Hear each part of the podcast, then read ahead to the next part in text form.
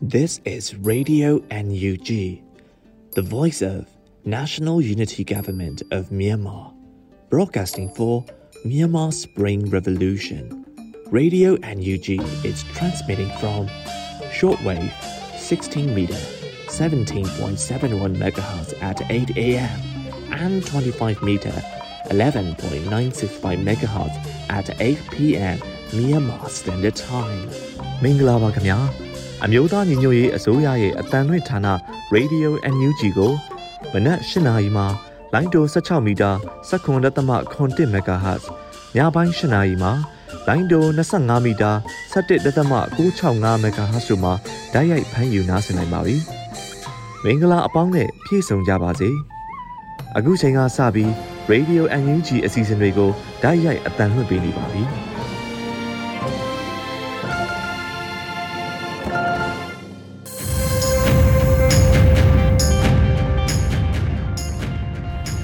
မြန်မာနိုင်ငံသူနိုင်ငံသားအပေါင်းတဘာဝပြီးစစ်အာဏာရှင်မေးတို့ကနေကင်းဝေးပြီးကိုစိတ်နှပါကျမ်းမာလုံးခြုံပေးကင်းကြပါစေလို့ Radio UNG ဖွဲ့သားများကဆုတောင်းမေတ္တာပို့သလိုက်ရပါတယ်ရှင်။အခုချိန်ကစပြီး Radio UNG ရဲ့နောက်ဆုံးရသတင်းအကြေများကိုຫນွေဦးမုံကတင်ဆက်ပေးမှာဖြစ်ပါတယ်ရှင်။နောက်ဆုံးရသတင်းများကိုတင်ဆက်ပေးမှာဖြစ်ပါတယ်။ယခုတင်ဆက်မဲ့သတင်းတွေကို ရေဒီယို NUG သတင်းတာဝန်ခံများနဲ့ခိုင်လုံတဲ့သတင်းရင်းမြစ်များထံမှအခြေခံပြီးတင်ပြထားခြင်းပဲဖြစ်ပါတယ်ရှင်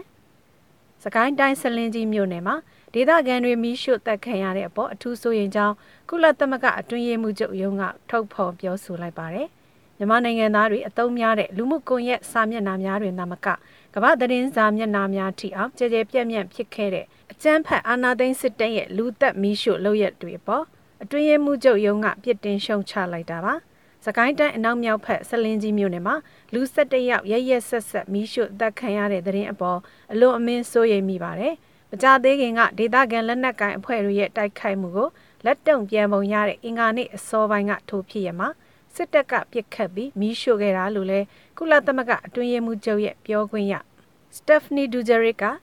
ဗုဒ္ဓဟူးနေ့နယူးယောက်ကုလသမဂ္ဂရုံးချုပ်သတင်းစာရှင်းလင်းပွဲမှာပြောဆိုသွားပါတယ်။ ဒုံတော်ကျေးရွာအဆိုပါတပ်ဖြတ်မှုဖြစ်စဉ်ကိုဒေသခံတွေအားလုံးနဲ့မိသားစုဝင်များအားလုံးကအာဏာသိမ်းစစ်တပ်လက်ချက်ဖြစ်ကြောင်းအတိအလင်းပြောနိုင်ခဲ့ကြတဲ့အပြင်အသက်ခံရသူများကိုလည်းနာမည်နဲ့တကွစရင်ထုတ်ပြန်ခဲ့ကြပါတယ်။အကြမ်းဖက်စစ်ကောင်စီဘက်မှသတင်းထုတ်ပြန်သူဗိုလ်ချုပ်ဇော်မင်းထွန်းကတော့ဒါကိုညင်းပါတယ်။ဆွဲချက်တွေးဟာမမှန်ဘူး။သူတို့အသေးစိတ်ထပ်မံစုံစမ်းနေတယ်လို့ပဲပြောပါတယ်။အလားတူပဲချစ်မနိုင်ပန်းမင်းကြီးလမ်းပေါ်မှာဆန္ဒပြလူအုပ်ကိုစစ်ကားနဲ့တိုက်တက်တာ အများမြင်သာခဲ့ပေမဲ့လည်းစစ်ကောင်စီဘက်ကတော့ဖုံးကွယ်သတင်းသာထုတ်ပြန်ခဲ့ကြတာပါအခုလိုမီးရှို့တပ်ဖြတ်မှုဟာအော်နှလုံးနာစရာကောင်းပြီးကုလသမဂ္ဂအနေနဲ့အပြင်းထန်ဆုံးရှုံချတယ်လို့ပြောပါတယ်နိုင်ငံတကာအတိုင်းဝိုင်းကလည်းအခုလိုအကြမ်းဖက်မှုမျိုးတွေကိုတညီတညွတ်ထဲတုံ့ပြန်မှုလဲတောင်းဆိုခဲ့ပါတယ်အာနာသိန်းစစ်တပ်နဲ့ငြိမ်းချမ်းရေးလုပ်ငန်းစဉ်များဆွေးနွေးနေတဲ့ PPSD လက်နက်ကိုင်အဖွဲ့အစည်းများကလည်းစစ်ကောင်စီရဲ့လုပ်ရဟာလုံးဝလက်ခံပွဲမရှိတဲ့ရက်စက်မှုမျိုးဖြစ်တယ်လို့ဝေဖန်ခဲ့တဲ့အပြင် အပြစ်ရထားဆဲအေးအေးအဖွဲ့စစ်ဦးစီးချုပ်ကလည်းဒီလိုမီးရှို့လူသက်လို့ရဟာလူသားစားအရိုင်းတွေရဲ့လုပ်ရဖြစ်ကြောင်းသဘောထားထုတ်ပြန်ခဲ့ပါတယ်ရှင်။နောက်ထပ်သတင်းတစ်ပုဒ်ကတော့သတင်းတော်တွေကိုဖိနှိပ်ထောင်ချတဲ့ကမ္ဘာပေါ်ကဒုတိယအဆိုးဆုံးနိုင်ငံဖြစ်လာတယ်လို့သတင်းသမားများကာကွယ်ဆောင်ရှောက်ရေးကော်မတီ CPJ ကဖော်ပြလိုက်ပါတယ်။2021ခုနှစ်မှာကမ္ဘာအဝန်းကသတင်းသမားတွေဖမ်းဆီးခံရခြင်းအရေးအတွက်ဟာစံချိန်တင်မြင့်တက်လာနေပါတယ်တဲ့ လွန်ခဲ့တဲ့ဒီဇင်ဘာ၁ရက်နေ့အထိအချက်အလက်တွေရမြန်မာနိုင်ငံမှာစစ်အာဏာသိမ်းပြီးနောက်ပိုင်းသတင်းနောက်တွေဖမ်းဆီးခံရခြင်းဟာဒုတိယအများဆုံးစည်ရင်းဝင်ခဲ့ပါတယ်။ဖမ်းခံရသူအတော်တော်များများဟာလှုပ်ဆော်မှုနဲ့သတင်းမှားဖြန့်ဝေမှုလို့ဆွဆွဲခံရပြီးအမြင့်ဆုံးထောင်ဒဏ်၃နှစ်အထိချမှတ်ခံရနိုင်တဲ့ရာဇသက်ကြီးပုံမှ905ကာကြီးအရဆွဲချက်တင်ခံနေကြရတာပါ။အာနာသိန်းစစ်တပ်ဟာလမ်းမော်ဆန္ဒပြပွဲတွေကိုသတင်းမှတ်တမ်းယူခြင်းဓာတ်ပုံရိုက်ခြင်း live လွှင့်ခြင်းစတဲ့ပုံစံအမျိုးမျိုးနဲ့ သတင်းယူနေကြသူသတင်းထောက်တွေကိုဖမ်းဆီးခဲ့တာဖြစ်ပါတယ်။ဗိတ်မြို့ကသတင်းသမားကိုအောင်ကျော်ကိုဖမ်းဆီးခဲ့ပြီးနောက်စစ်ကြောရေးစခန်းမှာငရဲတမျှနှိပ်စက်ခံခဲ့ရကြောင်းပြန်လည်လွတ်မြောက်လာသူသတင်းသမားကိုအောင်ကျော်ကပြန်လည်ဖွင့်ဟခဲ့ပါသေးတယ်။ကိုအောင်ကျော်ဟာလမ်းမော်ဆန္ဒပြပွဲတွေကိုစစ်ကောင်စီကပြစ်ခတ်နှိမ်နင်းခြင်းကို live လွှင့်ခဲ့သူဖြစ်တာကြောင့်စစ်တပ်ဘက်ကအညှိုးတကြီးနဲ့နှိပ်စက်ခဲ့တဲ့အပြင်ဖမ်းဆီးစဉ်ကလည်းအကြမ်းဖက်ဖမ်းဆီးခံခဲ့ရသူတဦးဖြစ်ပါတယ်။ ကိုအောင်ကျော်ကဲ့သို့ပဲဖမ်းဆီးခံသတင်းသမားတွေဟာစစ်ကောင်စီရဲ့စစ်ကြောရေးစခန်းတွေမှာလနဲ့ချီထိန်သိမ်းခံခဲ့ရပါတယ်။ CPJ ကထုတ်ပြန်ချက်မှာယခုနှစ်အတွင်းသတင်းနောက်ပေါင်း293ဦးဖမ်းဆီးခံခဲ့ရပါတယ်။သတင်းနောက်24ဦးထပ်မံတဲ့အရေးအတွက်ဟာလည်းသတင်းရေးသားဖော်ပြခဲ့ရုံနဲ့အသက်ခံခဲ့ရတယ်လို့လည်းဆိုပါတယ်။အဆိုပါထုတ်ပြန်ချက်မှာတရုတ်နိုင်ငံသတင်းသမားတွေကဖမ်းဆီးထောင်ချခံရမှုအများဆုံးဖြစ်ပါတယ်။မြန်မာနိုင်ငံကတော့ဒုတိယအများဆုံးစာရင်းဝင်ပါတယ်။ CPJ ရဲ့စရင်အရစစ်အာဏာသိမ်းပြီးနောက်မြန်မာသတင်းတောက်26ယောက်ကိုဆက်လက်ဖမ်းဆီးထားတယ်ဆိုပေမဲ့မြန်မာနိုင်ငံမှာအကျဉ်းကျနေတဲ့သတင်းတောက်အရေးအတွက်ဟာ CPJ ရဲ့စရင်တွေထက်အများကြီးပိုများနိုင်ပါတယ်။မြမအရေးကြောင့်ပြည်တွင်းကသတင်းသမားတွေဟာအိန္ဒိချင်းအိန္ဒိယနဲ့ထိုင်းနိုင်ငံတို့အပါအဝင်အခြားနိုင်ငံတွေထဲထွက်ပြေးတိမ်းရှောင်ခဲ့ရပြီးထွက်ပြေးနေသူအရေးအတွက်ကလည်းတဖြည်းဖြည်းတိုးပွားလာနေကြောင်းသတင်းအက်ဒီတာများနဲ့သတင်းသမားတွေက CPJ ကိုပြောခဲ့ကြပါတယ်ရှင်။ ဆက်လက်ပြီးဒီဇင်ဘာလ10ရက်နေ့မနက်ခင်းနဲ့နေ့လယ်ခင်းတွေမှာတင်ဆက်ခဲ့တဲ့သတင်းကောင်းစဉ်တွေကိုတင်ဆက်ပေးပါမယ်။မတရားအမှုစဉ်ထောင်ဒဏ်ချမှတ်နေပေမဲ့နိုင်ငံကောင်းဆောင်များဟာအပြစ်ရှိသူတရားခံများမဟုတ်တစားကံများသာဖြစ်ကြသည်ဟုပြည်ထောင်စုဝန်ကြီးဒေါက်တာဝင်းမြတ်အေးကထုတ်ဖော်ရေးသားခဲ့တဲ့တဲ့တိုက်ပွဲမှာသေဆုံးခဲ့တဲ့စစ်ကောင်စီရုပ်အလုံးများကိုဓာတ်ပုံရိုက်တင်ခဲ့သူလူမှုကူညီကယ်ဆယ်ရေးသမားကိုအာနာသိန်းစစ်အုပ်စုကထောင်ဒဏ်တစ်နှစ်နဲ့3လချမှတ်လိုက်တဲ့တဲ့ စစ်ကောင်စီလက်အောက်မြမတစ်လုပ်ငန်းကကျွန်းတစ်လုံး1800တန်အပါဝင်တစ်တန်ချိန်12000ကျော်ရောင်းချမယ်ဆိုတဲ့သတင်းမြို့သားညီညွတ်ရေးအစိုးရကိုအတိမတ်ပြုပြီးကိုယ်စားလှယ်ရုံးဖွင့်နိုင်ဖို့အရေးနယူးဇီလန်ရောက်မြန်မာတွေစူးစမ်းနေတဲ့သတင်းမိုဘိုင်းဒေတာဈေးနှုန်းနှစ်ဆတိုးမြင့်ကောက်ခံလိုက်တာကြောင့်ပြည်သူတွေအခက်ကြုံနေရတဲ့သတင်းတရက်ချောင်းတွင်ရဘာချီရန်သွားသောအမျိုးသမီးတဦးတနက်နဲ့အပြစ်ခံရပြီးပြူစောတိအဖွဲ့ရဲ့လက်ချက်ဖြစ်ကြောင်းသတင်း နိုင်ငံရေးကောင်းဆောင်များနဲ့အတိုင်းအသားပြည်သူများအပေါ်ချမှတ်သည့်တရားရုံးအသီးသီး၏အမိန့်များသည်မူလကပင်ပြက်ပြဲကြောင်းမြို့သားညီညွတ်ရေးအစိုးရကကြေညာချက်ထုတ်တဲ့တဲ့စစ်တပ်အာဏာသိမ်းပြီးနောက်မှာအမျိုးသမီးလူငယ်နှင့်ကလေးတငယ်ဥယေစုစုပေါင်း823ဦးအသက်ဆုံးရှုံးခဲ့ရပြီဖြစ်တယ်လို့မြို့သမီးလူငယ်နှင့်ကလေးတငယ်ရေးရာဝန်ကြီးဌာနကစည်ရင်းထုတ်ပြန်လိုက်တဲ့တဲ့ကုလလုံခြုံရေးကောင်စီကနိုင်ငံတော်သမ္မတနဲ့အတိုင်ပင်ခံပုဂ္ဂိုလ်တော်အောင်ဆန်းစုကြည်အပါအဝင် အမှုစင်မတရားဖမ်းခံထားရသူတွေကိုပြန်လွှတ်ပေးဖို့ထပ်မံတောင်းဆိုလိုက်တဲ့တဲ့စသည်တို့ကိုတင်ဆက်ပေးခဲ့တာပဲဖြစ်ပါတယ်။ကျမຫນွေဦးမွန်ပါရေဒီယို UNG ရဲ့နောက်ဆုံးရသတင်းအကျဉ်းများကိုနားဆင်ခဲ့ကြရတာဖြစ်ပါတယ်။ဆက်လက်ပြီးလူအခွင့်အရေးပေါ်စစ်ကောင်စီရဲ့လူမဆန်မှုများအကြောင်း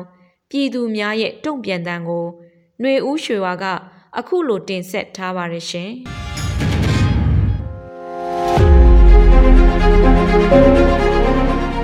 လုံသွားတဲ့လူတွေပေါ်တော့ဖြစ်နိုင်မယ်ဟဲ့ဆိုရင်ကျွန်တော်ကိုယ်တိုင်ပြန်ပြီးတော့လက်စားချေချင်ပါတယ်ခင်ဗျာ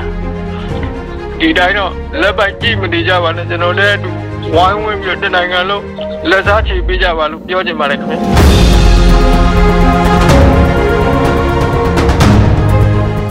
ဇင်မာလ9ရက်နေ့ကဖြစ်ပွားခဲ့တဲ့ကြီးမြနိုင်မြို့နယ်ပန်းပင်ကြီးလမ်းမှာလုပ်ခဲ့တဲ့လူထုတပိတ်ကိုအာနာသိန်းစစ်တပ်ကအနောက်ကနေကားနဲ့တိုက်ပြီးပြစ်ခတ်ဖြိုခွင်းခဲ့တဲ့တဲ့တင်ဟာမြန်မာပြည်သူတွေအဖို့အဲ့ဒီမှာများစွာဝမ်းနည်းထိခိုက်ကြေကွဲခံစားခဲ့ရပါတယ်။အာနာသိန်းစစ်တပ်ရဲ့လူမဆန်တဲ့ရာဇဝတ်မှုတွေကိုနိုင်ငံတကာအတိုင်းဝိုင်းအနေနဲ့ဝင်ရောက်ရေးယူမှုမရှိသေးတဲ့စစ်တပ်ဟာ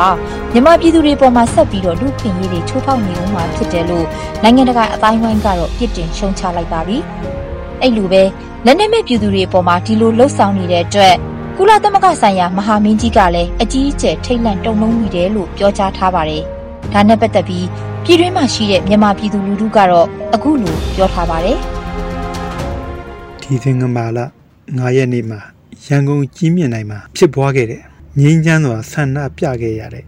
လူငယ်တွေကိုနောက်ကနေစစ်ကားနဲ့တိုက်ပြီးတော့ဖြိုခွင်းခဲ့တဲ့လုပ်ရဟာဆိုရင်ကဘာမှာရော မြန်မာပြည်များပါမရှိခဲ့ဘူးတဲ့အလွန်တရာအယုတ်ဆိုးအကြီးတန်းပြီးတော့အလွန်တရာလူစိတ်ကင်းမဲ့တဲ့သူတွေရဲ့ရုပ်မာအောက်တန်းကြတဲ့လောက်ရလို့ပဲပြောလိုပါတယ်ဒီຫນွေဦးဒေါ်လာရေးယူကိုတိုက်ပွဲဝင်နေကြတဲ့လူငယ်တွေဟာဆိုရင်ကျွန်တော်တို့မြန်မာနိုင်ငံရဲ့အနာဂတ်တွေဖြစ်တယ်လို့မြန်မာနိုင်ငံရဲ့ကံကြမ္မာအဆိုးအကောင်းကိုဖန်တီးပေးကြမယ်လူငယ်တွေဖြစ်ပါတယ်ဒီလူငယ်တွေဟာဆိုရင်ဒီမိုကရေစီအခွင့်အရေးနဲ့အညီ စီကံရှိရှိငြိမ်ငြိမ်ညံ့ညံ့နဲ့လက်နဲ့ဆိုလို့အတူတစ်ချောင်းမှမပါဘဲနဲ့ငြိမ်းချမ်းစွာဆန္ဒဖော်ထုတ်ပြသနေတဲ့ဒီပွဲကိုနောက်ကနေပြီးတော့အလွန်တရာသူရဲဘောကြောင်ရုပ်မာစွာနဲ့ကားနဲ့တိုက်ပြီးဖြိုခွင်းတာဟာဆိုရင်တော်တော်ကိုအောက်တန်းကြလူမဆန်တဲ့လောက်ရကျင့်ဝတ်တိတ်ခါမဲ့တဲ့လောက်ရစီကံမဲ့တဲ့လောက်ရပဲဖြစ်ပါတယ် ဒီလောက်ရကိုဆောင်ရွက်ခဲ့ကြတဲ့သူတွေဟာဆိုရင် အမိန်ပေးတဲ့သူရောလှုပ်တဲ့သူရောလူစိတ်လုံးဝမရှိတဲ့လူတွေရဲ့လှုပ်ရအောက်တန်းကြတဲ့လှုပ်ရအဖွဲအစည်းတက်ဖွဲ့တစ်ခုရဲ့မလှုပ်တဲ့မလှုပ်တဲ့အပ်တဲ့ကျင့်ဝတ်တိတ်ခါစီကံမရှိလှုပ်ခဲ့ကြတဲ့အလွန်အောက်တန်းကြတဲ့အဖွဲ့အစည်းတစ်ခုရဲ့လှုပ်ရလို့ပဲမြင်ပါတယ် တည့်ရတိုင်းကြည့်မနိုင်ဆိုတာရန်ကုန်မြို့လေလို့ပြောလို့ရတဲ့နေရာတစ်ခုလေကဲဟိုလူစီကားတဲ့မြင်ကွင်းရှင်တဲ့အချိန်မှာမှလက်နက်မဲ့စံနာပြတဲ့လူတွေရရက်ဆက်လုပ်သွားကြတာကြာကြာကျွန်တော်ဟာကနေပဲ Facebook မှာသတင်းနေတဲ့ပုံတွေကြည့်ရင်လည်းဖုန်းဆက်ခွင့်မမြင်ရတော့မျက်ရည်နဲ့ဝါပါပြည်သူကိုတလိမ့်ဆန်လို့သဘောထားနေကြတာလေငါတို့မှလက်နက်ရှိတယ်ငါတို့လုပ်ချင်တိုင်းလုပ်လို့ရတယ်ဆိုပြီးတော့လူပါဝနေကြတာ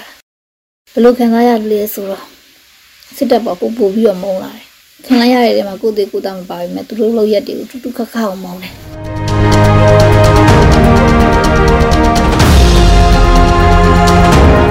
အကြမ်းဖက်စစ်တပ်ဟာတစ်ဖက်အတွင်းမှာပဲအကြမ်းဖက်တပ်ဖြတ်ချင်းနေတဲ့တူလူ့အခွင့်အရေးတွေကိုအစုံကုန်ပြောင်ပြောင်တင်းတင်းကြီးချိုးဖောက်ခဲ့တဲ့ဖြစ်စဉ်ဟာဒီဇင်ဘာလ9ရက်နေ့မှာလဲစကိုင်းတိုင်းဒေသကြီးစလင်းကြီးမြို့နယ်တဲကဒုံတော်ရွာသား10ဦးကိုကျုပ်တုပ်ပြီးအရှင်လက်လက်မိရှုတပ်ဖြတ်ခဲ့တဲ့ဖြစ်စဉ်ဟာလဲကဘာအထိတီးခဲ့ပြီးဖြစ်ပါတယ်။ ဒီဖြစ်စဉ်အတွက်ခန်းစားခဲ့ရတဲ့စကားသံတွေကတော့ကိုယ်ချစ်မျိုးတွေရောမားသွားတော့ဗျာသမင်းလည်းမစားနိုင်အိတ်လည်းမအိတ်နိုင်ဝင်နေပက်လည်းပေါ့ဗျာကျွန်တော်တော်ကြီးဆိုလို့ရှိရင်ဘယ်လောက်ဖြည့်မဆဲဖြစ်မလဲဆိုတာကျွန်တော်တွေးတော့တွေးမကြည့်နိုင်ပါဘူးဗျာ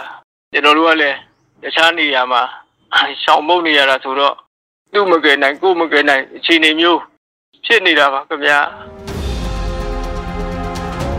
လုံတော့ကြီးကမဖြစ်ဖြစ်သွားတဲ့ အဖြစ်ဖြစ်နဲ့ပတ်သက်ပြီးတော့အင်ပဒမကြေကွဲဝမ်းလဲဆိုတာခံစားရပါတယ်ခင်ဗျာဒီကိစ္စနဲ့ပတ်သက်ပြီးတော့အပြစ်မဲ့ပြည်သူများရေးဆက်ဆက်တပ်ဖြတ်မိရှုခံရတာလုံးဝကိုကြည်နဲ့ဆရာအကြောင်းမရှိပါဘူးအင်ပဒမလဲဝမ်းလဲဆိုတာခံစားရပါတယ်စလင်းကြီးဖြစ်စင်မှာတော့ဒီစစ်တပ်ဆိုတဲ့အဖွဲ့အစည်းကလူတွေနဲ့စူးစီးထားတာမဟုတ်ဘူးဆိုတာကျိုးတနိုင်ငံလုံးကိုမီးမောင်းထိုးထိုးပြလိုက်သလိုပါပဲ တသက်နဲ့တကူဒီလိုရက်ဆက်တဲ့ဟာတွေတစ်ခါမှမမြင်ဘူးခဲ့လို့စကလုံးတွေတော့ပြောဖို့ပြောက်တယ်ရုံမှလိုက်ကြတာရက်ဆက်လိုက်ကြတာလူရက်လိုက်ကြတာမယန်လိုက်ကြတာဘယ်စကလုံးကိုတုံးရမှန်းကိုမသိဘူးသူတို့လုပ်ရက်တွေကလည်းဘယ်စကလုံးနဲ့မှလုံလောက်တယ်လို့မထင်မိဘူးဒီဆရာနာရှင်တွေရောဒီနောက်လိုက်တလိမ့်ဆန်နေနဲ့ရောကျွန်တော်တို့ရင်ညာစီကိုဘလို့မှမဖြစ်နိုင်ဘူးမိချို့အသက်ခံရတဲ့ပြည်သူ၁၁ယောက်ထဲမှာ အရွယ်မရောက်သေးတဲ့ကလေးတွေလည်းပါတယ်ဘလို့စိတ်မျိုးနဲ့ဘလို့အတ္တမျိုးနဲ့ဘလို့ညင်စိုးမျိုးနဲ့ဒီလိုရုပ်မှမှုတွေကိုပြုနိုင်နေဆိုတာကိုစဉ်းစားဖို့ညံလည်းမမီတော့ဘုရားဘာသာဝင်ဆိုတဲ့လူတွေကအဲ့လိုရုပ်မှရိုင်ဆိုင်မှုတွေလုပ်နေကြတော့ကိုကိုကိုဘုရားဘာသာဝင်လို့ပြောရမှာတော့ရှက်တယ် လက်ရှိမြန်မာနိုင်ငံတွင်းမှာဖြစ်ပေါ်နေတဲ့အခြေအနေရရက်နဲ့ပတ်သက်ပြီးတော့လည်းအထူးစိုးရိမ်လျက်ရှိကြောင်းနဲ့မြန်မာအရေးကိုဖြည့်ရှင်းမှုတစ်စိတ်တစ်ပိုင်းအနေနဲ့အာဆီယံခေါင်းဆောင်တွေကြားမှာရရှိထားတဲ့ဘုံသဘောတူညီချက်၅ရပ်ဟာတိကျတိုးတက်မှုမရှိတဲ့အတွက်ညာစွာစိတ်ပြတ်မိကြောင်းကိုစင်ကာပူနိုင်ငံသားရေးဝန်ကြီးဌာနကဒီဇင်ဘာလ9ရက်နေ့ကပြောကြားထားပါတယ်ရှင်။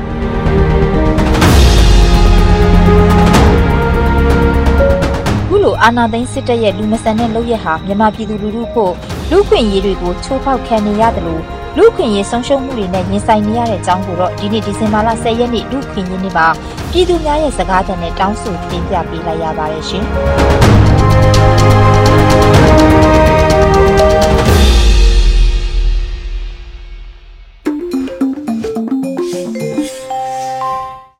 တောတာရှင်များခင်ဗျာဒီကနေ့ဒီဇင်ဘာလ10ရက်နေ့ဟာကမ္ဘာလူခွင့်ရေးနေ့ဖြစ်ပါတယ်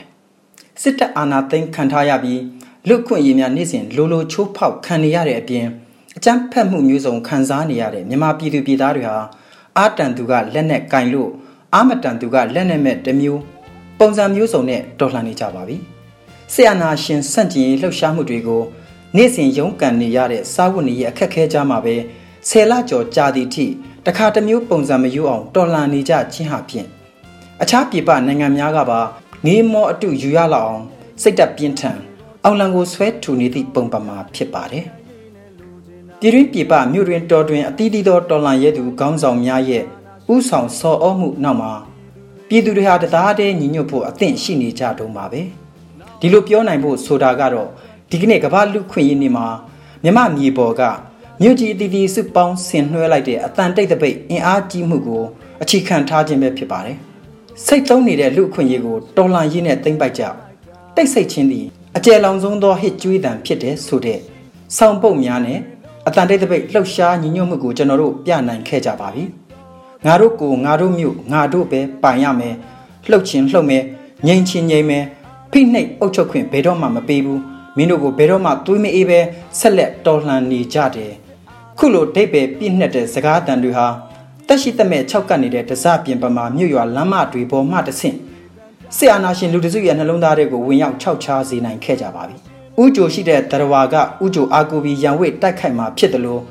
အဆွဲရှိတဲ့တရိတ်ဆန်ကလည်းအဆွဲအားကိုကြိုက်ခဲမှာတပါဝပါပဲ။လက်နဲ့သာရှိပြီးစင်ကျင်တုံမရှိတဲ့အာနာယူနဲ့ဂျွန်ယူတတိုက်ကလည်းသူတို့တိမ့်ပိုက်ပိုင်ဆိုင်ထားတဲ့လက်နက်တွေနဲ့တော်လန်သူကိုတပ်ပြဖမ်းပြယုံကလွဲ၍အခြားနှက်ထိဘာမှမရှိတာမဆမ်းပါဘူးပညာရည်ပြည့်ဝတဲ့ချစ်ချင်းတရားနားလေတဲ့မျိုးဆက်တစ်တွေကလည်း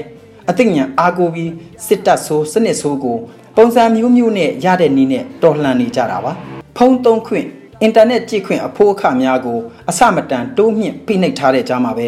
ဒီကနေ့ဟာဆိုရင်မြန်မာနိုင်ငံသားတွေဟာဖုန်းကိုဖွင့်ကွန်ပျူတာကိုဖွင့်သူ့မြို့ငါမြို့တိတ်ဆိတ်နေတဲ့မြို့အားလုံးကိုငေးကြည့်ရင်မမြင်ရတဲ့လက်တွေတွဲရှက်ခိုင်မြဲမြဲတစ်ထက်မြဲတဲ့ယုံကြည်စွဲတွေနဲ့ရှိုင်း အကျယ်လောင်ဆုံးသောအတန်လှိုင်းတွေကိုထုတ်လွှင့်နားဆွနေကြတဲ့လူယုံမှာအရိုင်းဆိုင်တွေထံအရောက်ခရီးပေါက်ခဲ့ပါလိမ့်ပြီဒီဇင်ဘာလ10ရက်နေ့ Radio UNG ထုတ်လွှင့်မှုအစီအစဉ်မှလည်းအောင်လံလွင့်ထူနိုင်ခဲ့ပြီဖြစ်တဲ့ Silent Strike တိုက်ပွဲသတင်းကိုအခုလိုအရေးယူတင်ပြလိုက်ရခြင်းဖြစ်ပါတယ်ခင်ဗျာအခုလို Silent Strike တပိတ်တိုက်ပွဲကိုလှုပ်ဆော်နေကြရမှာမနေ့ကထိတော့စစ်ကောင်စီဘက်ကနှီးမျိုးစုံနဲ့နှောက်ယှက်ခဲ့ကြပါတယ်ဆိုင်ရှင်များထံဆိုင်ဖွင့်ဖို့ဖိအားပေးခြင်းလက်မှတ်ထိုးစေခြင်း ချင်းချောက်ခြင်းများပြုကြသလိုမြို့နယ်အချို့မှာဆိုရင်လဲယနေ့တပိတ်တိုက်ပွဲဝင်ပိတ်သိမ်းထားသောဆိုင်ခန်းများကိုအတင်းကျပ်ဖွင့်စေခြင်းအမျိုးမျိုးပြောဆိုချင်းချောက်ခြင်းပိတ်သိမ်းဆိုင်ကိုဓာတ်ပုံရိုက်ခြင်းစသဖြင့်နှောက်ယှက်ခဲ့ကြပါတယ်ဒါပေမဲ့လမ်းပေါ်မှာကားမရှိလူမရှိဆိုင်မဖွင့်အနက်ရောင်ဝတ်ဆင်ပြီးလက်သုံးချောင်းထောင်ကအင်တာနက်ပေါ်ဓာတ်ပုံတင်ဖော်ထုတ်ခြင်းဆိုတဲ့အသွင်တစ်မျိုးနဲ့တော်လန်ခြင်းနေ့တစ်နေ့ဟာမြန်မာပြည်မှာစိတ်သုံးနေတဲ့လူခွင့်ရေးအကြောင်း ကဘာကသိစီဖို့ကဘာလူခွင့်ရေးနေ့မှာပဲထင်ထင်ရှားရှားသရုပ်ဖော်နိုင်ခဲ့ကြပြီဆိုတာတင်ပြရင်းပုံမှန်ထုတ်လွှင့်နေကြအစီအစဉ်များကိုဆက်လက်ထုတ်လွှင့်ပေးပါတော့မယ်ကျွန်တော်လွတ်လပ်ຫນွေဦးပါယခုတခါစာရေးသူကိုယ်တိုင်ရေးသားဖတ်ကြားထားတဲ့ငါတို့မှာငါတို့ရှိရဲ့ဆောင်းပါအမှတ်စဉ်ငါကိုဆက်လက်နားဆင်ပါရှင်ငါတို့မှာငါတို့ရှိတယ် ဆောင်းပါအမှတ်ငါဖြစ်ပါတယ်ကျွန်တော်ကထိန်လင်းပါမြန်မာပြည်မှာစစ်အုပ်စုနဲ့ဆက်နွယ်သူတွေရဲ့ဗတ်စကားတွေမစည်းဖို့တိုက်တွန်းလှုံ့ဆော်နေတာတွေတွေ့နေရပါတယ်အဲ့ဒီလှုပ်ရှားမှုရဲ့ထိရောက်မှုဘယ်လောက်ရှိနေပြီလဲလူတွေဘလောက်များများ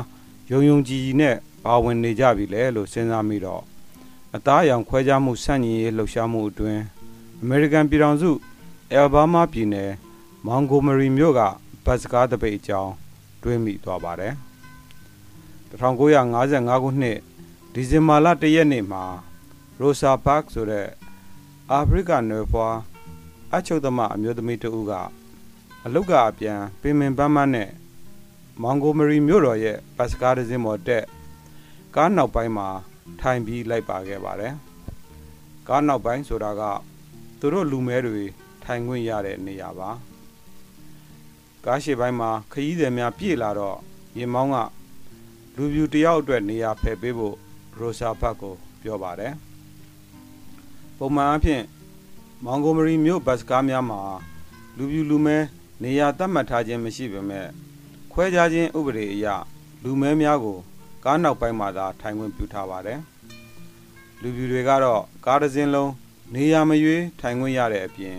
သူတို့အလိုရှိရင် လူမဲတွေကနေရာဖယ်ပေးရမှာဖြစ်ပါတယ်ရိုရှာဘတ်ကလူပြူအတွက်နေရာဖယ်ပေးဖို့ညှင်းဆန်ပြီးဆက်လက်ထိုင်နေခဲ့ပါတယ်ဒါကြောင့်အာနာပိုင်တွေကသူမကိုဖမ်းဆီးပြီးရဲစခန်းကနေထောင်ကိုပို့လိုက်ပါတယ်ပြီးတော့ညနေမှာသူမကိုအာမခံနဲ့ပြန်လွှတ်ပေးခဲ့ပါတယ်သူမကိုဖမ်းဆီးတဲ့တဲ့တမဟုတ်ချင်းပြန့်နှံ့သွားပြီးမောင်ဂိုမရီမြို့ကလူမဲတွေဟာ ခွဲခြားဆက်ဆံခြင်းစနစ်ကိုဆန့်ကျင်ဆန္ဒပြဖို့ဆုံးဖြတ်ခဲ့ကြပါတယ်။ရဲ့အနေငယ်အတွင်းမောင်ဂိုမရီမြို့ရှိ လူမဲအများပြားကသူမကိုထောက်ခံတဲ့အနေနဲ့ဘတ်စကားမစီးပဲစတင်ဆန္ဒပြကြပါတော့တယ်။တပိတ်မှောက်မှုမရက်တတ်မှုဒေသခံလူမဲကောင်းဆောင်များကမောင်ဂိုမရီတိုးတက်ရေးအသင်း Montgomery Improvement Association MIA ကိုဖွဲ့စည်းလိုက်ကြပြီး အသက်26နှစ်ရှိ ခရစ်ယာန်ဘုန်းတော်ကြီးမာတင်လူသာကင်းကိုဥက္ကဋ္ဌအဖြစ်ရွေးချယ်ခဲ့ပါတယ်။ထိုအဖွဲ့ကတပိတ်တိုက်ပွဲဆက်လက်ရှင်သန်အောင်ပံ့ပိုးခဲ့ပါတယ်။တစ်နှစ်ကျော်တဲ့အထိငယ်ရွယ်သူရောအိုမင်းသူများပါလမ်းလျှောက်ခြင်းစပိန်စီးခြင်း MIA ကစီစဉ်ပေးတဲ့ကားများမှာစုပေါင်းစီးနှင်းခြင်းအငှားကားစီးခြင်းကားကြုံလိုက်ခြင်းလားတရဝါများကိုစီးနှင်းခြင်းစသဖြင့် ဘတ်စကားမစီးပဲအလုတ်သွားကြပါတယ်။တောင်းနဲ့ချီတဲ့လူများကနေ့စဉ်အဲ့ဒါလိုဆန္ဒပြကြတဲ့အခါအာနာပိုင်တွေကတပိတ်မှောက်မှုကိုရပ်တန့်ပြီးလူမဲတွေဘတ်စကားပြန်စည်းစေချင်တာကြောင့်တပိတ်ခေါင်းဆောင်တွေကိုရာဇဝတ်မှုတွေနဲ့အရေးယူခဲ့ပါတယ်။ဒါပေမဲ့အဲ့လိုလှုပ်တာကိုသတင်းဌာနတွေကတဆင့်တတိုင်းပြည်လုံးသိရှိလာပါတော့တယ်။ဒါကြောင့်ခွဲခြားဆက်ဆံမှုတွေအပေါ်ဝေဖန်လာကြသလိုအ ခွင့်အရေးအတွက်လှုပ်ရှားဆောင်ရွက်ကြတဲ့အသင်းအဖွဲ့များကိုလည်း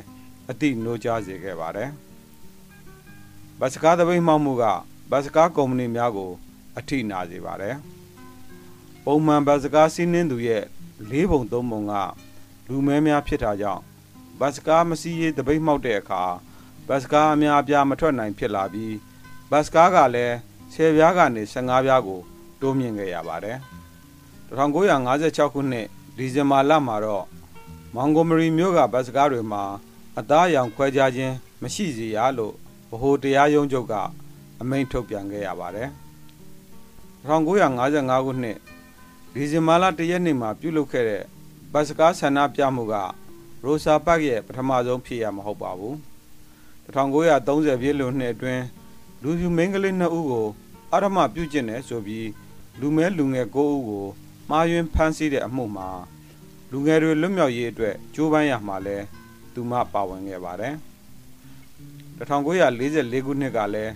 မောင်ဂိုမရီဘတ်စကားပေါ်မှာနောက်ဖက်ပြောင်းခိုင်းတာကိုညှင်းဆန်လို့ကားပေါ်ကဆွဲချတာ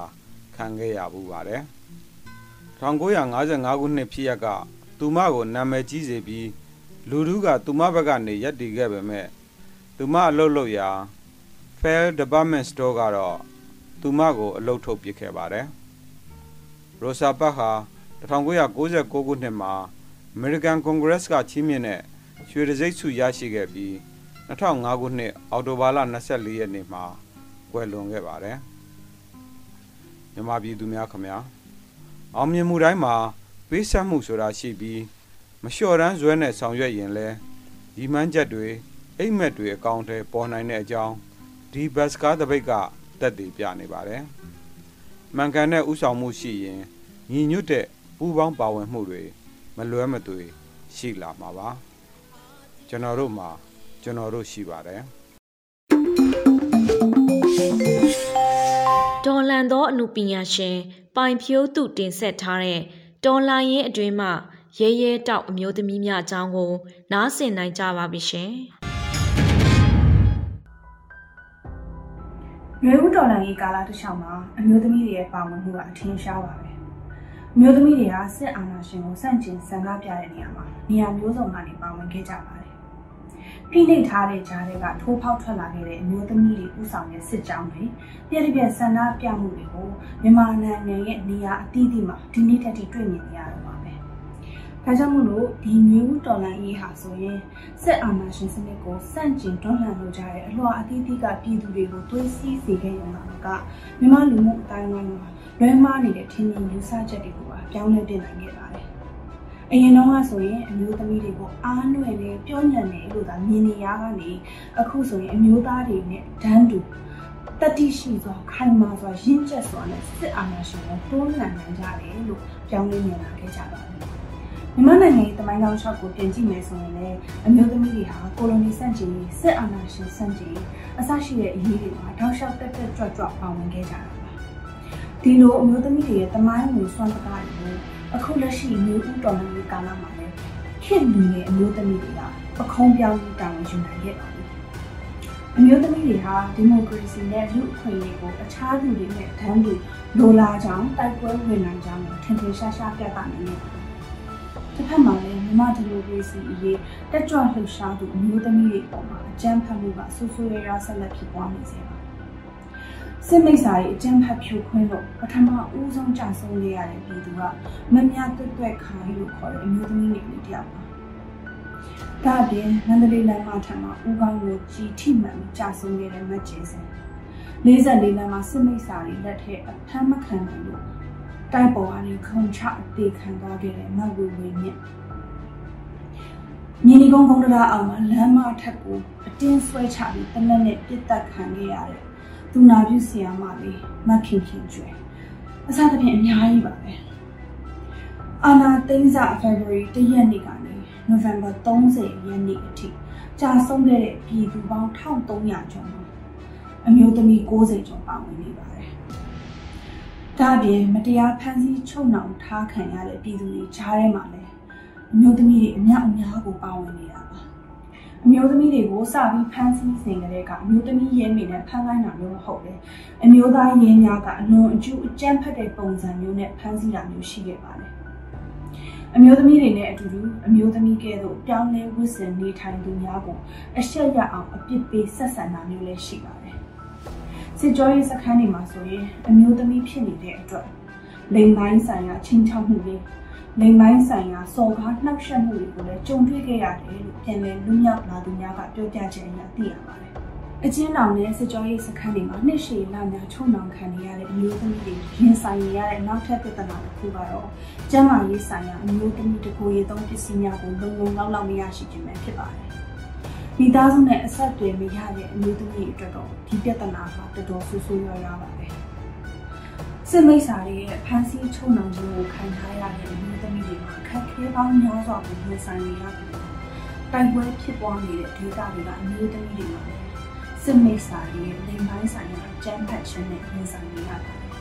။မတိန်ကျင်ခြင်းကိုစစ်လက်နက်တစ်ခုတစ်ခုအသုံးပြုတဲ့စစ်ကောင်စီတပ်သားတွေဟာ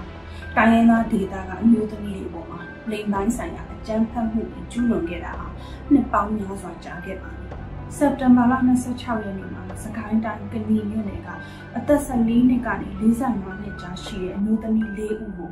စစ်ကောင်စီတပ်တွေကအုပ်စုခွဲမသိမ်းခြင်းမှုဖြစ်ပွားခဲ့ပါတယ်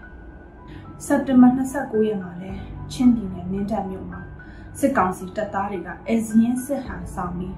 အမျိုးသမီး2ဦးကိုမသိမ်းခြင်းကိုကြိုးစားခဲ့ပါတယ်။နိုဝင်ဘာ9ရက်နေ့မှာလည်း ရှမ်းပြည်နယ်ကုတ်ခိုင်မြို့နယ်နမ်ဖလွန်ကျေးရွာနေအသက်62နှစ်အရွယ်အမျိုးသမီးတဦးအပေါ်မှာအဓမ္မကျင့်မှုတစ်ခုဖြစ်ပွားခဲ့ပါတယ်။နိုဝင်ဘာ17ရက်နေ့ည10:00နာရီခွဲခန့်မှာလည်းချင်းပြည်နယ်တီးတိမ်မြို့နယ်အလဲကျွေးရွာမှာနေတဲ့ကိုဝင်9လလွန်ထားရတဲ့ကလေးလေးယောက်မိခင်အသက်30အရွယ်မျိုးသမီးတစ်ယောက်ကိုလည်းစစ်ကောင်စီတပ်သား2ယောက်ကအကြိမ်ကြိမ်အဓမ္မပြုကျင့်ခဲ့ပါတယ်။ဘယ်လိုပဲအကြမ်းဖက်မှုတွေရှိနေပါစေ ဘယ်လိုပဲဖိနှိပ်မှုတွေရှိနေပါစေမြန်မာဒေသအသီးသီးကအမျိုးသမီးတွေဟာ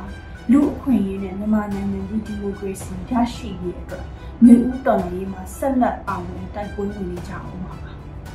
မြန်မာမျိုးဦးတော်လှန်ရေးကာလကြားက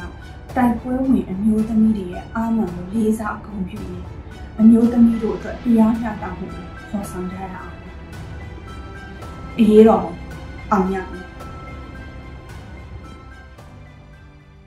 ဒီကနေ့ကတော့ဒီညနဲ့ပဲ Radio NUG ရဲ့အစီအစဉ်တွေကိုခਿੱတရနာလိုက်ပါမယ်မြန်မာစံတော်ချိန်မနက်၈နာရီနဲ့ညနေ၈နာရီအချိန်တွေမှာပြန်လည်ဆုံတွေ့ကြပါစို့ Radio NUG ကိုမနက်၈နာရီမှာလိုင်းတို16မီတာ7.1 MHz ညပိုင်း၈နာရီမှာလိုင်းတို25မီတာ17.665 MHz တို့မှာဓာတ်ရိုက်ဖမ်းယူနားဆင်နိုင်ပါပြီမြန်မာနိုင်ငံသူနိုင်ငံသားများကိုစိတ်နှပြကျန်းမာချမ်းသာလို့ ဘေးကင်းလုံခြုံကြပါစေလို့ Radio NUG အဖွဲ့သူအဖွဲ့သားများကဆုတောင်းလိုက်ရပါတယ်။အမျိုးသားညီညွတ်ရေးအစိုးရရဲ့စက်သွယ်ရေးသတင်းအချက်အလက်နဲ့ဤပညာဝန်ကြီးဌာနကထုတ်လွှင့်နေတဲ့ Radio NUG ဖြစ်ပါတယ်။ San Francisco Bay Area အခြေစိုက်မြန်မာမိသားစုများနဲ့နိုင်ငံတကာကစေတနာရှင်များလှူအားပေးများရဲ့ Radio NUG ဖြစ်ပါတယ်။အရေးတော်ပုံအောင်ရမည်။